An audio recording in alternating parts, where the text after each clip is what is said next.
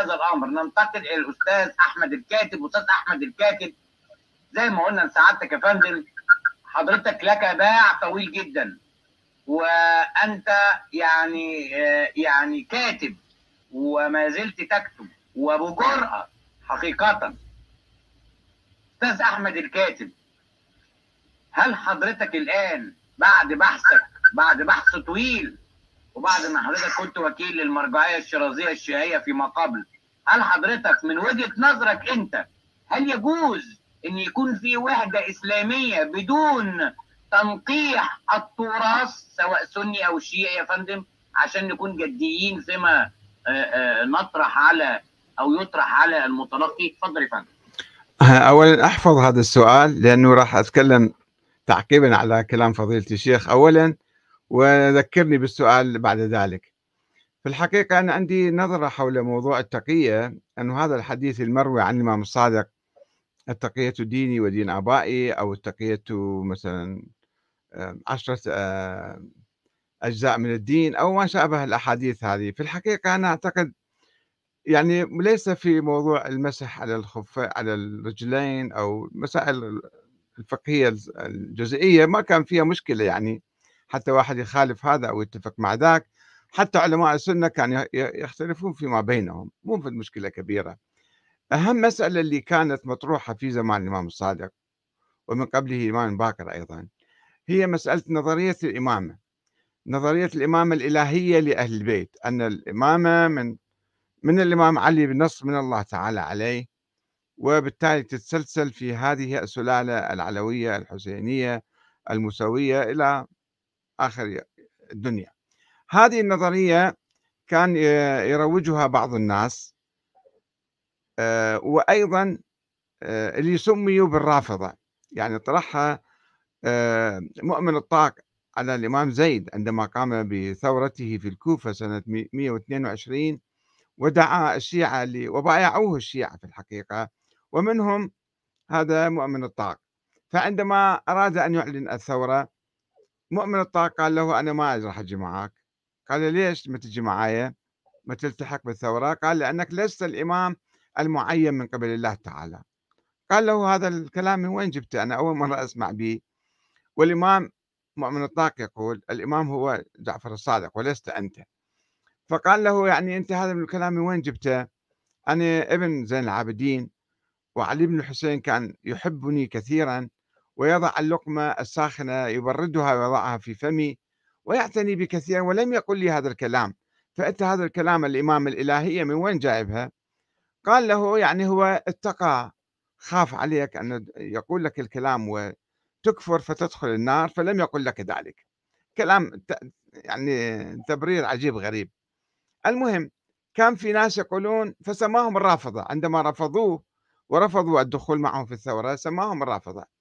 كان في فرق أخرى جماعات آخرون من الغلاة كانوا يقولون الأئمة أنبياء مو فقط أنبياء النبي الله معينهم لحكومة الناس وقيادة الناس وإمامة الناس إنما هؤلاء الأئمة هم أنبياء ينزل عليهم وحي وعندهم علم من الله و يعني الملائكة تنزل عليهم هاي درجة ثانية من الغلاة وهناك درجة ثالثة كانت كانوا يقولون هؤلاء الغلاة يقولون الأئمة آلهة أو نصف آلهة وعلى رأس هؤلاء معتمد الإمام الصادق في الكوفة اسمه أبو الخطاب محمد ابن مقلاص.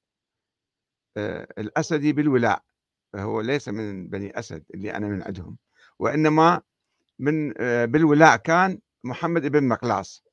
فهذا كان هو معتمد الإمام الصادق في البداية في الكوفة. والإمام الصادق في المدينة. فقال الإمام نبي أول مرة. النبي الإمام استنكر هذا القول وقال لعن الله من يقول إنا أنبياء. هذا ما تراجع أنه ما تصاعد أكثر. قال لا الأئمة آلهة. يرزقون يحيون يميتون وكل شيء يفعلون هم آلهة. الإمام تبرأ منه ولعنه فجاء الشيعة إليه وقالوا الإمام لعنك وتبرأ منك كيف تنسب هذا الكلام إلى الإمام الصادق؟ وينسب الكلام للإمام الصادق. فقال لهم لا الإمام لم يلعني أنا لعن واحد آخر اسمه أبو الخطاب بالبصرة. راحوا الناس تعرف يعني المسافة بعيدة من الكوفة إلى المدينة فقالوا له للإمام الصادق هذا يقول هكذا قال لا والله أنا ألعنه فلان ابن فلان الفلاني محمد بن مقلاص وأتبرأ منه وأستنكر كلامه. كان من أتباعه شخص آخر يسمى المفضل بن عمر. كان يقول بألوهية الإمام الصادق حتى ذهبوا إلى الإمام الصادق وقالوا لبيك يا جعفر لبيك. سجدوا. المهم ارتجف منهم وفزع من كلامهم ولعنهم وتبرأ منهم. فهذا مؤمن آه، مفضل بن عمر تنازل قليلا. هو أيضا روى حديثا كاذبا على الإمام الصادق وقال آه، آه، نقلا عن الإمام الصادق أن نزلونا عن الألوهية وقولوا فينا ما شئتم. فأسس فرقة جديدة اسمها المفضلية. هذاك أبو الخطاب أسس فرقة اسمها الخطابية تقول بألوهية الأئمة. هذا تلميذه السابق. تنزل قليلا فأسس الفرقة المفوضية أو المفوضة أو المفضلية بالنسبة إليه يعني. فهؤلاء كيف كانوا يمشون كلامهم؟ بستار التقية. يقولون يعني كذبا وزورا على الأئمة وعلى الإمام الصادق أن الإمام الصادق يقول لنا ذلك سرا تقية ولا وينفي في الظاهر. مثلا جاء هذا في الكافي رواية موجودة. جاء شخصان من الزيدية الذين لا يؤمنون بالإمام الإلهية يعني شيعة هم ولكن لا يؤمنون بالإمام الإلهية بالنص والتعيين. جاءوا إلى الإمام الصادق وسألوه قالوا له هل أنت تقول أنك إمام مفروض الطاعة من الله؟ الإمام استغرب قال لا أنا لا أقول ذلك. نفى ذلك.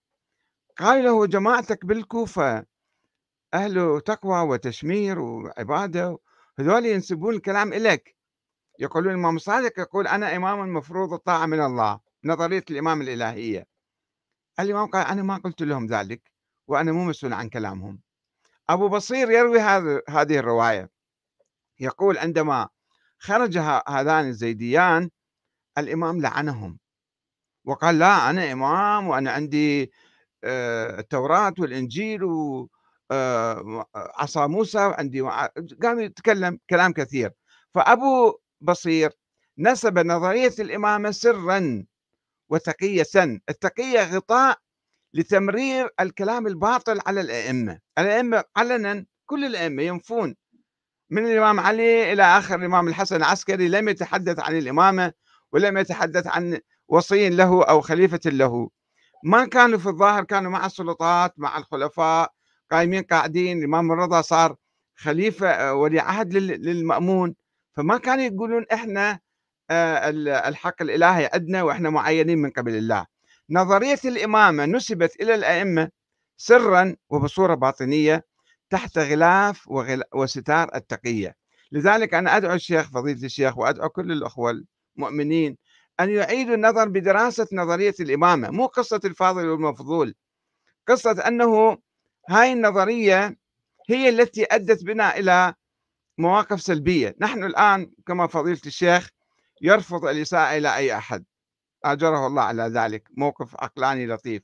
ولكن نظرية الإمامة هي التي آه، شكلت أزمة وعقدة عند الإمامية بحيث يتخذوا مواقف سلبية ضد الصحابة. إذا كان النبي قد عين الإمام علي خليفة من بعده بالنص والتعيين فلماذا الصحابة كلهم ما عرفوا هذا الشيء؟ وكلهم راحوا بايعوا أبو بكر ثم عمر ثم عثمان.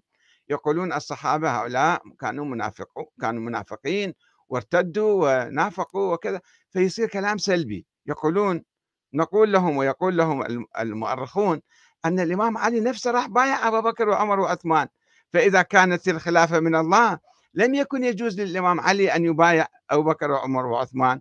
يقول لا هم أجبروه على البيعة واقتحموا الدار وجلبوه من الدار وضربوا الزهراء وكسروا ضلع ويسوي لك فيلم هندي طويل عريض حتى يثبتوا نظريتهم. طيب الإمام علي كان معين من قبل الله. الإمام الحسن لماذا لم يعين الإمام علي؟ الإمام الحسن خليفة من بعده وهو كان حاكم وهو كان أمير المؤمنين. قال أنتم اللي تنتخبوه انتخبوه. فالناس بايعوا الإمام الحسن. بعد ست أشهر الإمام الحسن تنازل لمعاوية ويعطي الخلافة لمعاوية.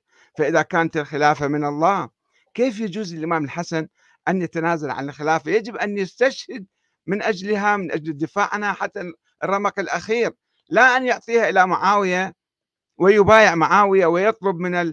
من الإمام الحسين ومن الشيعة كلهم تعالوا بايعوا معاوية فإذا إحنا درسنا تاريخ الأئمة دراسة موضوعية ودقيقة وجديدة نكتشف أن نظرية الإمامة نظرية كانت مثالية وخيالية وسرية باطنية نسبت إلى أهل البيت ووصلت وواجهت مشاكل وعقبات كثيرة منها البداء منها طفولة بعض الأئمة وصلت إلى طريق المسدود وانتهت وانقرضت وبادت الآن هذه نظرية بالرف بالمتحف موجودة. لا ليست موجودة على أرض الواقع.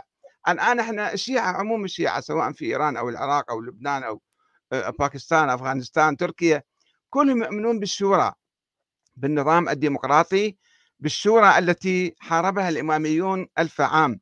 وبالتالي الآن اجتمعوا مع إخوانهم السنة من المسلمين الذين تخلوا عن نظام الخلافة أيضا والحكم العسكري وآمنوا جميعا بالنظام الديمقراطي يعيشون مع بعض يتعايشون مع بعض في ظل نظام ديمقراطي عادل. وإذا كان في ثغرات أو في فشل أو في مشاكل هذا النظام فيجب أن يطوروا هذا النظام لكي يكون أكثر عدلا وأكثر استقرارا وأكثر تعبيرا عن الناس. وهذا هو الذي يوحد المسلمين اليوم ويبعدنا قصة شيعة وسنة بالتاريخ. نعم. طيب.